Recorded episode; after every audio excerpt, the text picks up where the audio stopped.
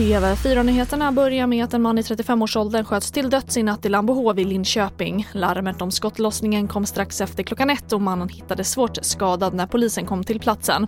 Han fördes till sjukhus där hans liv alltså inte gick att rädda. Ingen misstänkte gripen och bakgrunden till händelsen är fortfarande oklar.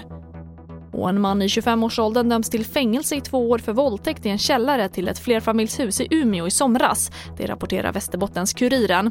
Enligt kvinnan ska mannen, som hon träffat tidigare, med våld ha tvingat henne att utföra sexuella handlingar. Han ska också ha utdelat slag mot hennes huvud. Mannen ska även betala skadestånd till den utsatta kvinnan på 115 000 kronor. Och pandemin har ju gjort att årets säsong av RS-virus som drabbar barn kommit tidigare än normalt och är dessutom allvarligare än vanligt.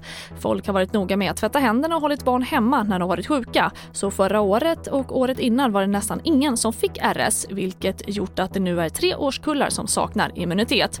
Barn under ett år och de i riskgrupp kan få allvarliga problem av viruset som framförallt attackerar luftvägarna.